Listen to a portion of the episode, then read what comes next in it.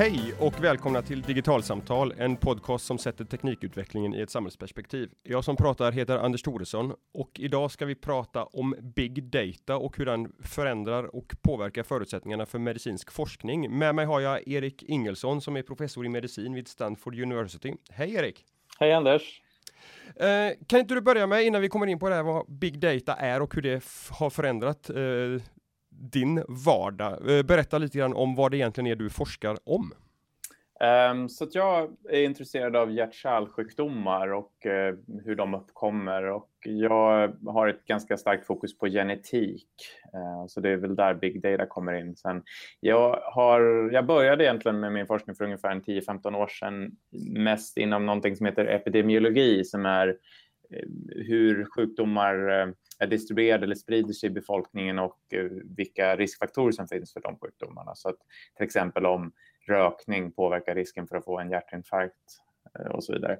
Men sen för ungefär tio år sedan så började jag mer och mer fokusera på, på genetik och andra typer av så kallad omik där man mäter många datapunkter eller många analyter i blodprover och så vidare samtidigt. Så nu tittar jag på association mellan dem och, och eh, hjärt-kärlsjukdomar. Och nu på sista åren har jag dessutom en eh, byggt ut lite av mer laboratorieverksamhet där vi följer upp fynd vi hittar i våra mer eh, befolkningsstudier genom att titta liksom i, i cellinjer och sådana saker. När man, när man pratar om hjärt-kärlsjukdomar så är det ju ofta livsstilsfaktorer som, som diskuteras åtminstone i allmän media. Hur, hur stor del utav, utav risken att drabbas utav eh, en hjärt-kärlsjukdom förklaras utav genetik och hur mycket handlar om, om just livsstilsfaktorerna? Alltså, man brukar prata om arv och miljö ehm, och det, det, är väl en ganska bra beskrivning. Det är lite 50-50. Det varierar lite grann från, från olika sjukdomar och olika, olika typer av hjärt-kärlsjukdomar. Och det, och det finns förstås en del tillstånd som är väldigt ärftliga. Men, men grovt sett, om man säger som vanliga hjärtinfarkter, så är det uppemot hälften som förklaras av genetiska faktorer och andra hälften förklaras av livsstilsfaktorer. Var, varför är man intresserad av att hitta de här genetiska faktorerna? Handlar det om att man ska kunna uh, ta fram nya mediciner eller finns det andra faktorer som, som eh, liksom driver på det här intresset? Mm. Det är, mitt, mitt huvudintresse ligger nog i att både förstå biologin och därigenom hitta bra eh, ledtrådar till nya läkemedel. Det, det, är faktiskt, mm. det är mitt huvudsyfte. Men det är klart att initialt när man kom igång med genetiken så, så hade man ganska stora förhoppningar också om att kunna använda det mer för prediktion, alltså för att kunna förutsäga vilka individer som, som har en ökad risk för sjukdom och, och kanske också för att kunna förklara vilka individer som ska ha vilken medicin och så. så att liksom mer, det kallas lite sådär personalized medicine eller nu för tiden precision medicine, att man med hjälp av genetiken ska kunna eh, skräddarsy behandling lite mer. Och, och det, det, ligger fortfarande helt klart kvar som ett av, av syftena med, med genetik och, och, med många av de andra så kallade omikerna där man mäter många biomarkörer. Men, men kanske mitt huvudintresse ligger framför allt i förståelse av biologin och försöka skapa nya läkemedel på mm. längre sikt. Och, och, här någonstans då kommer big data och big data-verktygen in. Men innan vi kommer in på hur ni använder det, skulle jag vilja be dig definiera lite grann vad big data är i den här kontexten, för det används på så många olika ställen. Begreppet big data, vad, vad är big data för dig? Mm. Eh, det, för mig så handlar det om stora datamängder, både i form av många individer i en studie och många datapunkter i en studie. Och det, och det kan variera. Ofta så i, i, vissa studier vi håller på med så kan det vara mycket av båda, men rätt ofta är det väl mycket av det ena eller andra. Så att antingen kan det vara, jag har tidigare gjort rätt mycket studier där vi har använt till exempel svenska register och då är det väldigt många individer, det är miljontals individer, men kanske inte så rikt i form av vilka data som finns på alla de individerna. Och sen, har, och sen när genetiken började växa, då, då var det fortfarande för dyrt att göra göra liksom såna här dyra genetikundersökningar i, i väldigt många individer. Så då kanske det var ganska få individer, kanske hundratals till några tusen, och, men väldigt många datapunkter. Men nu har, kan man väl säga att det här har på något sätt liksom, priserna för att göra genetiska tester har gått ner så pass mycket, så nu har det väl nästan konfluerat. Så nu är det ofta både väldigt många individer och väldigt många datapunkter. Eh, och, och, och brett sett inom genetiken så handlar det helt enkelt om att, att människans genom är tre miljarder bokstäver, par av bokstäver egentligen. Mm. Så, så det blir väldigt många datapunkter du kan mäta. Då. Men det innebär att vi har en, en dubbel teknikutveckling här som driver på då på något sätt. Dels att kostnaderna och möjligheterna för att, att göra eh, helgenomsekvenseringar på många individer har gått ner och mm. samtidigt som vi har fått datakapacitet att, att faktiskt använda den datan som vi får ut utav de här eh, helgenomsekvenseringarna. Mm.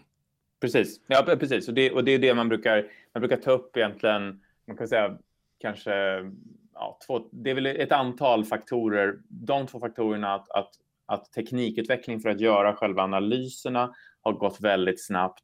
Det andra är att datakapaciteten och analysmetoderna har liksom också gått framåt väldigt fort. Och sen också bara metoderna, alltså att hur, hur man statistiskt analyserar har ju såklart parallellt med det här också utvecklats. Så det är väl de som sakerna sammantaget som gör att, det blir, att vi kan prata om en genetisk revolution om vi vill.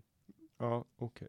Men, men det här att ni nu kan göra det här då, att både ha, ha studier med väldigt många fler individer än tidigare, samtidigt som ni har väldigt många datapunkter om varje enskild individ i, i det här underlaget. Vad får det för konsekvenser för den forskning som ni bedriver idag jämfört med hur den såg ut för innan man hade de här verktygen tillhanda? Ja, men det blir ju väldigt mycket större krav på dataanalyser, både att, att man ska klara av att göra det Ehm, hur man hanterar det, men också att man har eh, infrastruktur och hårdvara och, och så för att kunna göra de här analyserna. Man, om man tittar tillbaka, de första genetiska associationsstudierna som gjordes, där man, en genetisk associationsstudie, alltså när man tittar på gen, genetisk variation eh, kopplat till en viss egenskap, då, till exempel att få en hjärtinfarkt. Eh, och de första sådana studierna, de var oftast baserade på att man, man valde ut, baserat på det man kände till om biologin, kanske en gen och kanske några, några varianter i den genen. Och så, så, och så, så analyserade man dem med, med liksom i laboratoriet och, och fick ut de data och sen så, så, så kunde man och då gick det att liksom analysera med väldigt vanliga statistiska metoder. Alltså bara, det var ju nämligen bara säg tio variabler kanske till exempel och, och, och ofta så gjorde man dessutom inte i så särskilt stora material utan kanske några hundra eller, eller ett par tusen max. Eh, så, så det var ganska små datamängder som, som, som man hade så det gick att liksom hantera i i en, eh, kanske, ja till och med kanske en vanlig laptop även tillbaka då för en tio år sedan. Men, men i alla fall, det var mycket mindre datamängder och mycket mindre krav på analyserna. Så att det vanliga, de vanliga statistiska programmen man använde gick att använda och det gick att göra på sin vanliga liksom, dator man använde för andra statistiska analyser. Eh, medan nu så, så, är, så är det där en mångfalt liksom, multiplicerat där vi istället för att titta på kanske ett tiotal variationer så tittar vi på miljoner variationer samtidigt. Då. Um, och uh, i, per individ och dessutom så har vi insett att, att de studierna som kom ut för en 10-15 år sedan var egentligen inte mycket värda alls faktiskt därför att de här hypoteserna man hade kring vilka gener som skulle kunna vara kopplade var, var inte särskilt bra och, och studierna var för små och så vidare. Så, så nu för det vet vi att vi måste göra väldigt stora studier också i antalet hur många individer. Så ofta vi har gått från att kanske ha några hundra till några tusen till att ofta ha snarare åtminstone 10-20 tusen men oftast upp över 100 000 individer. Och de studier som vi jobbar med just nu, då är det material som ligger kanske på en halv miljon individer. Så, så, det är liksom... Det är, det är ju en helt enorm utveckling. Ja, det är väldigt, väldigt snabb utveckling och det, och det har skett, ja, det är väl ungefär en tio år sedan. Men för en tio år sedan, man kan säga att för tio år sedan så började den här nya eran kan man säga. Så de första studierna som började använda så kallad genome-wide association där man tittar över hela genomet. Den första mest välkända som studien publicerades 2005 eh, och sen kom det riktigt tog fart någonstans 2006 2007 ungefär. Så det, det är ganska precis tio år sedan. Så, och innan det så då, då gjorde man på det sättet. Man tittar på enstaka varianter i, i utvalda gener och ofta som sagt alldeles för små studier. Alltså, nu har inte jag mer än 40, 40 eh, högskolepoäng i biologi, men någonstans så, så känns det som att, att, att försöka då i förväg gissa sig fram till vilka gener är vi intresserade av och välja ut bara tio stycken i det mänskliga genomet. Alltså hur, hur, hur stor är sannolikheten att man överhuvudtaget träffar rätt när man bestämmer sig för vilka gener man ska titta på? Nej, alltså, det, det, det, är liksom en, det, var, det, det var ett av de stora problemen med, det, med den approachen. Man hade inget annat sätt att göra förstås. Nej. Eh, det är klart att man försökte med en sorts metod som, som, som var familjebaserad som kallas linkage-studier där man då ändå försökte zooma in på vissa delar och så försökte man välja ut kandidater i dem. Man, man försökte titta lite bredare, men det var ändå väldigt svårt. Tekniken fanns inte. Det var, ja, det, så att, mm. nej, det, det, var inte särskilt lätt och eh, man lyckades inte särskilt bra. För vissa typer av egenskaper, även inom mitt fält, till exempel blodfetter, där kanske man lyckades lite bättre. Där, där kände man till en hel del om hur metabolismen av, av lipider, alltså omsättningen av, av, fett och sånt fungerade. Så där kunde man göra ganska kvalificerade gissningar och, och lyckades då liksom faktiskt eh, hitta några associationer på, i, i sådana saker som man redan kände till från till exempel djurstudier, hur, hur, hur fetter omsätts och så vidare. Men, men för, många, för till exempel för hjärtinfarkt så, så gjordes det mer än 5000 sådana studier och egentligen så finns det en eller möjligen två om man, om man eh, är lite snäll, eh, sådana gener eller genregioner som, som nu kan bevisas vara sanna. Och all, alla andra studier var falska i princip. Alltså, så det, så det... Men, men innebar det att man lyckades ändå på något sätt, man hade en hypotes från början och sen så mm. testar man den då på, på kanske ett tusental individer och sen så ja. lyckades man, man ändå belägga en koppling mellan den här genen och det, det, här urvalet. Men sen när man gör motsvarande körningar på mycket större populationer och, och tittar på många fler datapunkter på respektive individ, då visar det sig att den här kopplingen som man kunde bevisa i en mer begränsad omfattning, den existerar inte när man tittar i ett, i en, i ett större underlag. Man kan säga så här att, att problemet var att man, eh, man bevisade egentligen inte därför att eh, det som kom med i en publikation kanske inte alltid representerade allt man hade gjort. Mm. Så säg, säg, att en viss studie till exempel gjorde genotypningar i, säg 100 gener eller om vi nu vill vara lite elaka. Och sen så valde man ut, eh, och så, så körde man alla associationstesterna och så, så fanns det associationer i en med en signifikant värde och så tog man inte hänsyn till att man hade tittat på hundra. Utan man, man publicerade bara den, så det är liksom ett falskt positivt fynd. Så, mm. så, så mycket, mycket, av den typen av problematik där, där man, man publicerade helt enkelt inte och det är ju något som är känt fortfarande, att negativa fynd, alltså saker där man inte ser en association, är mycket svårare att publicera. Så, så det, fanns ganska, det fanns ganska mycket av det och det är inte det att, folk, att forskarna var oärliga eller någonting sånt, utan det, det var liksom bara, eh, det var, det var så, det var så det gjordes liksom. Så att jag tror att, så att jag skulle säga så här att ja, i, i någon bemärkelse så kan man väl hävda att, att det, det fanns en association då i det där lilla materialet, men, men i väldigt stor utsträckning var det falskt positiva fynd som, som sen när man försökte titta i ett annat material, i oberoende material och bara testade den, en, den enda varianten, så man verkligen bara gjorde ett enda test, då, då var inte den associerad. Okej, okay, så då gick det inte att replikera det resultatet? Nej, precis. I, nej, okay. precis. Men men, men, men, då låter det som att, att då för, för ett decennium sedan och, och, lite mer, då hade, då hade eh, man en tydlig hypotes om det är det här vi vill titta på, för vi tror att det finns en koppling mellan det här och den här sjukdomen. Mm. Men nu, nu, säger du att i dagsläget så, så tittar ni på, vad sa du, miljontals mm. gener. Då, mm. då, kan ju inte ni, antar jag, gå in med en hypotes här från början om, om hur den här kopplingen ser ut. Innebär det att, att forskningen bedrivs från en annan, med en annan angreppspunkt idag tack vare big data-verktygen? Ja, absolut. absolut. Och det här är ju någonting som jag... Jag startade med det här för tio år sedan, så jag var väl eh, en av de liksom första i Sverige som kanske började jobba med den här typen av genome-wide association studies där man tittar över hela genomet lite mer hypotesfritt. Då. Eh, och jag minns eh, särskilt i början att det var en typisk kommentar man fick från både när man sökte pengar men också liksom bara när man interagerade med andra i forskarsamhället att, att folk var, väldigt många var väldigt skeptiska eh, och tyckte att det här är bara fishing expeditions och, och, det är inte riktig forskning och ni har ingen hypotes och så vidare. Och, och, och det, var, det var något man möttes väldigt mycket av initialt faktiskt kan jag säga. Eh, det händer fortfarande ibland och jag vet jag höll en föreläsning eh, i Göteborg, eller, ja, Göteborg var det, för kanske ett två år sedan, någonting, ganska, alltså relativt nyligen.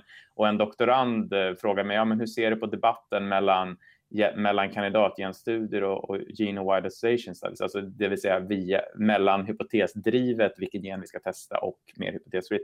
Och, och, mitt svar var bara att det är ingen debatt längre. Det, det, det har visat sig att, att den här typen av mer hypotesfria approacher är så otroligt mycket mer framgångsrik och allt det andra var nästan bara skräp i det största. Jag var kanske lite, lite väl hård där, men, men, men så, att, så att i stort sett kan man väl säga att liksom, om man säger det, det, forskarsamhället i sin helhet nu har anammat de här teknikerna. Eh, men det är klart att det finns, man hör fortfarande lite mutter ibland där, där folk tycker att det är bättre där man har en riktig hypotes. Nu ska man säga så här att man har ju förstås en hypotes. Alltså man kan ju aldrig bedriva forskning utan att man har en hypotes, men hypotesen är formulerad på ett helt annat sätt. Hypotesen för en sån här studie är ju snarare att vi tror att det finns genetisk variation någonstans i genomet som är kopplad till den här egenskapen. Det är ju en hypotes, det är ju väldigt mm. brett formulerad. Tidigare så sa man, jag tror att det är genetisk variation i den här genen som är kopplad. Så att, ja, okay. ja, så att man har en hypotes ändå. Jag brukar, kalla, jag brukar nog ofta kalla det hypotesgenererande forskning kanske. Eh, Okej, okay, så tidigare var det hypotesdriven forskning och nu är det en hypotesgenererande forskning? Ja, jag brukar, jag brukar kunna ja. kalla det så. Eh, och, och det här är någonting vi ser, det är liksom inte bara genetiken, utan det, det, vi börjar se det mer och mer när det gäller biomarkörer och faktiskt också i mer traditionella liksom, grundforskningssammanhang också, att man börjar skala upp saker testar saker mer hypotesfritt eller sk liksom screenar av saker och ting. Så. Men, men det, när det gäller andra ämnen, just när det gäller genetiken skulle jag vilja hävda att det att eh, alla mer eller mindre i, i, som är liksom, finns med i forskningsfronten har anammat det här eh, och så. Eh, men, men däremot när det gäller andra metoder så är det fortfarande så att många muttrar kring, kring för mycket screeningmetoder. Med viss rätta, för att jag menar läkemedelsföretagen har inte varit särskilt framgångsrika med sina screeningmetoder. Mm. Som har försökt. Men, men det låter ju någonstans som att, att forskningen Alltså om, om man hade gjort på det gamla sättet med, med den hypotesdrivna liksom, approachen och fortsatt så, så hade man till slut ändå jobbat sig igenom hela det mänskliga genomet den vägen och ni kan greppa över så mycket större del åt gången, så alltså att forskningen måste kunna gå väldigt mycket snabbare framåt idag då? Ja, precis, så kan man väl säga. Alltså, det var inte bara att man inte hade rätt hypoteser, utan det var också att man in, ofta inte replikerade sina, sina fynd och att man inte justerade för alla test man gjorde. Så det, det var det som gjorde att det blev mycket falskt positiva. Mm. Så att, visst, man kan möjligen tänka sig att, att man hade fortsatt, och i alla fall om man hade skalat upp så det blev tillräckligt stora studier och man började replikera, då kan man nog tänka sig att man hade lyckats ta sig fram. Men Å andra sidan så finns det ju liksom 25 000 proteinkodade gener ungefär, så det, blir ganska många falska studier också då för mm. att komma dit. Och, ja. Jag tror inte att man hade kunnat komma dit vi är nu utan att, att gå, ta det här steget helt enkelt. Nej. Men, men, men alldeles oavsett så, så måste det ju bli en väldigt mycket snabbare eh, forskning idag när, när, man kan göra så här mycket, på, titta på så många olika genvariationer på en och samma gång. Eller, eller mm. tänker jag fel? Nej, du, du tänker rätt. Eh, men det beror lite också på vad man menar med snabbare. Liksom. Det, ja. eh, om man säger, jag har ju lett några sådana stora konsortiearbeten de senaste åren och, och som, som fältet utvecklades så blev det så att man körde de här genome wide station studies i sina egna material på några tusen eh, individer. Liksom. Och sen så, så, så, så, kanske man lyckades publicera det kanske om man hade en 5-10 000 så kanske det fanns en riktig association som man kunde publicera och replikera och så vidare. Men sen så ganska snart så insåg man att det räcker inte med det materialet. Så då började folk slå ihop sina material i metaanalyser så man liksom formade större och större kluster av individer. Kanske fanns ofta liksom två, tre stycken sådana kluster först och sen slogs de ihop till ett megakluster och så vidare.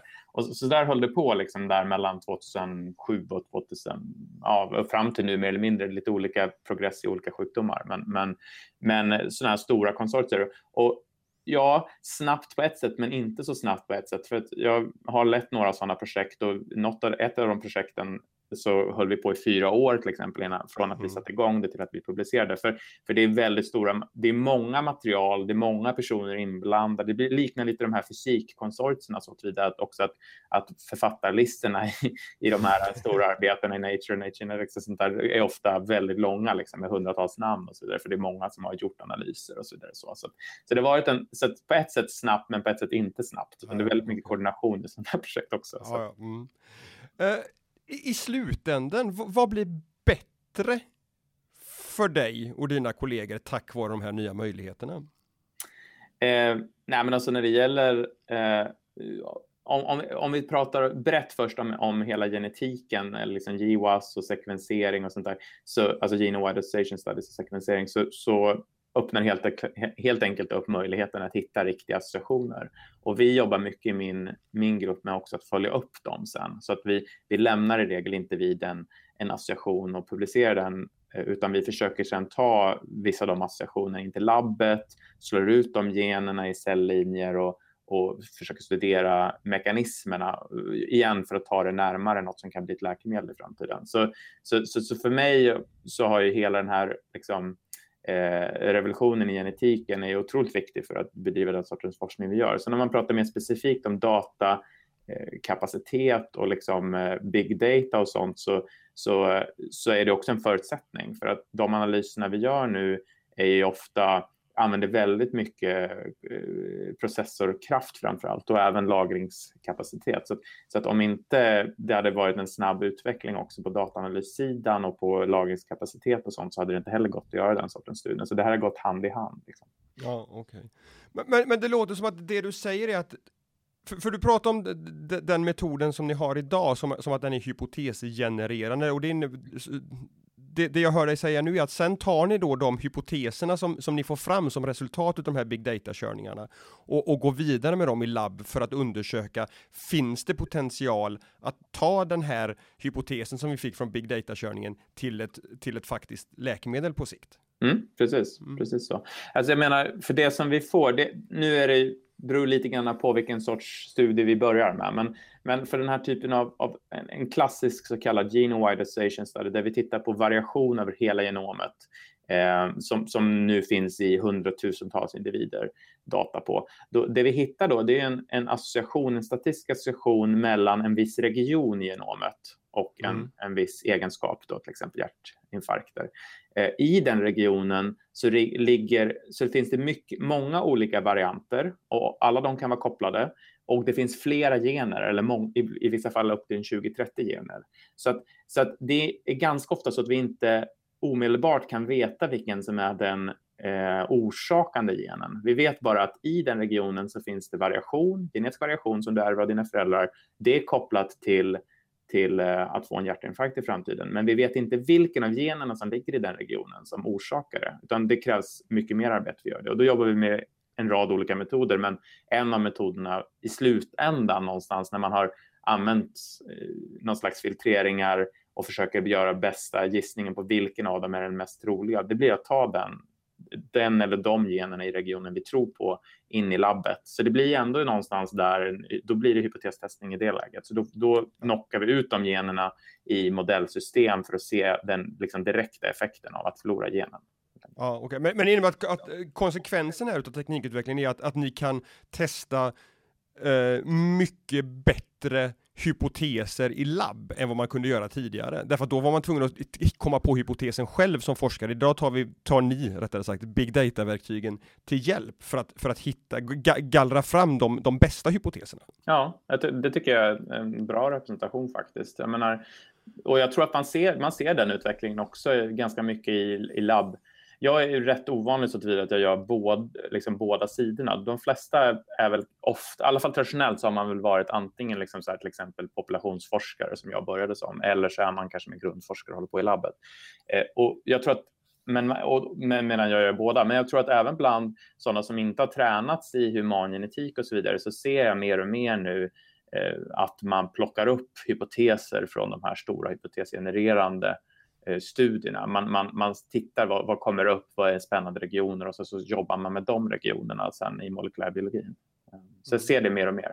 Jag tror det traditionella sättet att tänka var snarare att man var intresserad av en viss, eh, viss liksom mekanism eller pathway och så, så jobbade man med den, den mekanismen liksom hela sin karriär eh, utan att egentligen att det var visat att det var väldigt viktigt i, för någon viss men, eh, human sjukdom utan det kanske var något som man studerade ganska mycket för, för att det fanns en association i, i, i möss, om jag ska vara lite elak.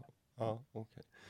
Eh, vad, vad, innebär den här teknikutvecklingen för arbetet i forskargrupperna? Be, be, behövs det ny kompetens eller, eller outsourcar ni datakörningarna till, till ja, någon annanstans och så får ni bara tillbaka resultat? Eller behöver ni ha andra typer av kompetenser i forskargrupperna idag? Ja, det behövs absolut ny kompetens. Ehm, det är, och eller att, att träningen till, till eh, att vara till exempel som jag tränade min dok, doktors, liksom doktorsavhandling var inom, som jag sa, inom epidemiologi, alltså populationsforskning, studier av befolkningen.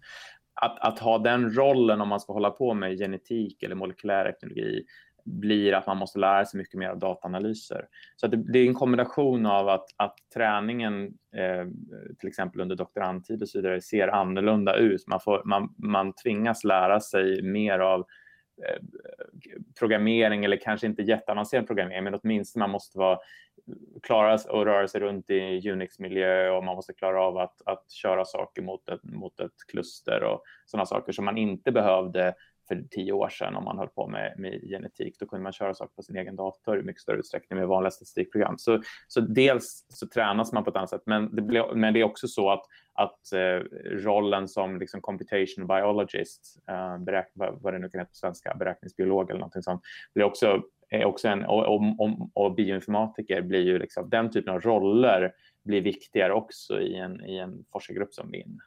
Så att jag, jag, det blir en blandning ofta att man Finns den kompetensen eh, i den utsträckningen som, som den behövs för att kunna ta vetenskapen framåt i den takt som, som faktiskt tekniken nu möjliggör då? Ja och, ja och nej kan man väl säga. Alltså, det, finns ganska, det, finns bra, det finns mycket utbildning i de här ämnena och det finns bra utbildning och det finns många, men samtidigt så är, är ju liksom behovet väldigt stort. Så, att, så att jag vet inte om det, går, om, om det går att säga om det liksom möter efterfrågan lite. Och dessutom är fältet väldigt brett. Om man säger att någon är bioinformatiker eller beräkningsbiolog så kan det betyda väldigt olika saker. Och vad vi behöver, i, kanske i min grupp, är en viss sorts liksom, kompetens. Och det är inte nödvändigtvis så att man för att man har eh, gått en utbildning i bioinformatik kan nästan någonting om det fältet. Sen går det alltid att träna om och, och jag menar, jag rekryterar, eh, jag rekryterar ofta duktiga personer och de behöver inte alltid ha jobbat precis i mitt eget fält. Så jag menar, det går alltid att, att lära om och lära upp. Men, men mm ja, nej men så att jag, jag, det finns mycket duktigt folk, men det behövs mycket duktigt folk. Jag är inte riktigt i position att säga om, om det liksom räcker eller inte. Kompetensbrist eller inte. Nej, nej men, men jag, jag lyckas rekrytera folk eh, ja, som är duktiga. Okay. Uh, teknikutveckling har ju bevisligen kommit väldigt långt redan när det gäller att ge er nya verktyg för att, för att bedriva er forskning på ett effektivare sätt. Men om du fick önska, vad mer skulle du vilja ha för, för tekniska hjälpmedel inom liksom big data-sfären för att kunna jobba ännu bättre, ännu effektivare, få fram bättre kandidater att gå vidare med och så vidare?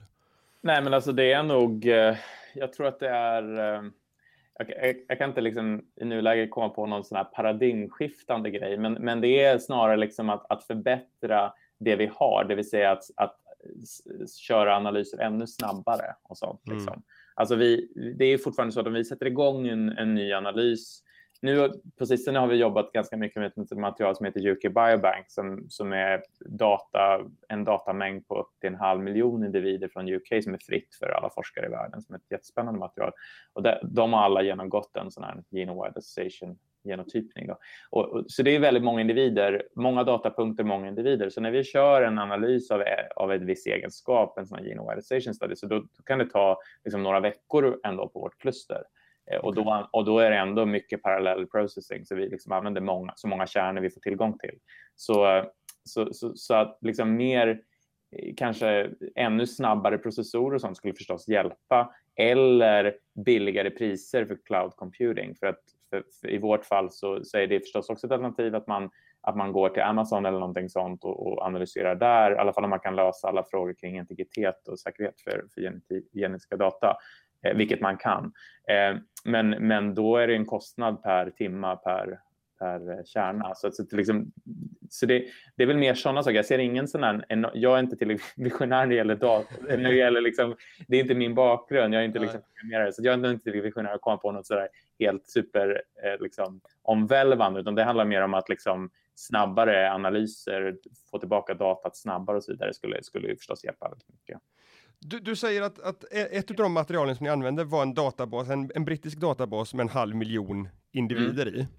Uh, alltså, vad, vad, behöver ni veta om de individerna mer än deras deras genom? Behöver ni veta andra saker om dem också för att kunna använda materialet? Ja, massor. Ja, jag misstänkte eh, det. Ja, eh, och de är, det är väldigt rikt material. Och förresten, om jag får gå tillbaka till förra frågan, det kanske blir rörigt här, men eh, apropå vad som skulle, liksom viktiga utvecklingar, mer av den typen av material som UK Biobank eh, ah, okay. representerar, alltså att öppna öppna material, så de är inte öppna så att vem som helst kan gå in, men om man är en forskare och har en forskningsansökan som blir etikgodkänd så får man tillgång till data. Mm. Och det, det, tror jag är en trend vi ser, att, att man ska tillgängliggöra helt enkelt eh, data mycket mer, därför att det finns så väldigt många duktiga forskare i världen och det finns ingen, egentligen ingen bra rational för att sitta och hålla på data mm. inom, inom ramen för en viss forskargrupp och så vidare. Mm. Så det ser jag som en utveckling. Jag vet inte om det är en teknisk utveckling, men jag tror det är en viktig utveckling i fältet för att vi skulle kunna komma vidare.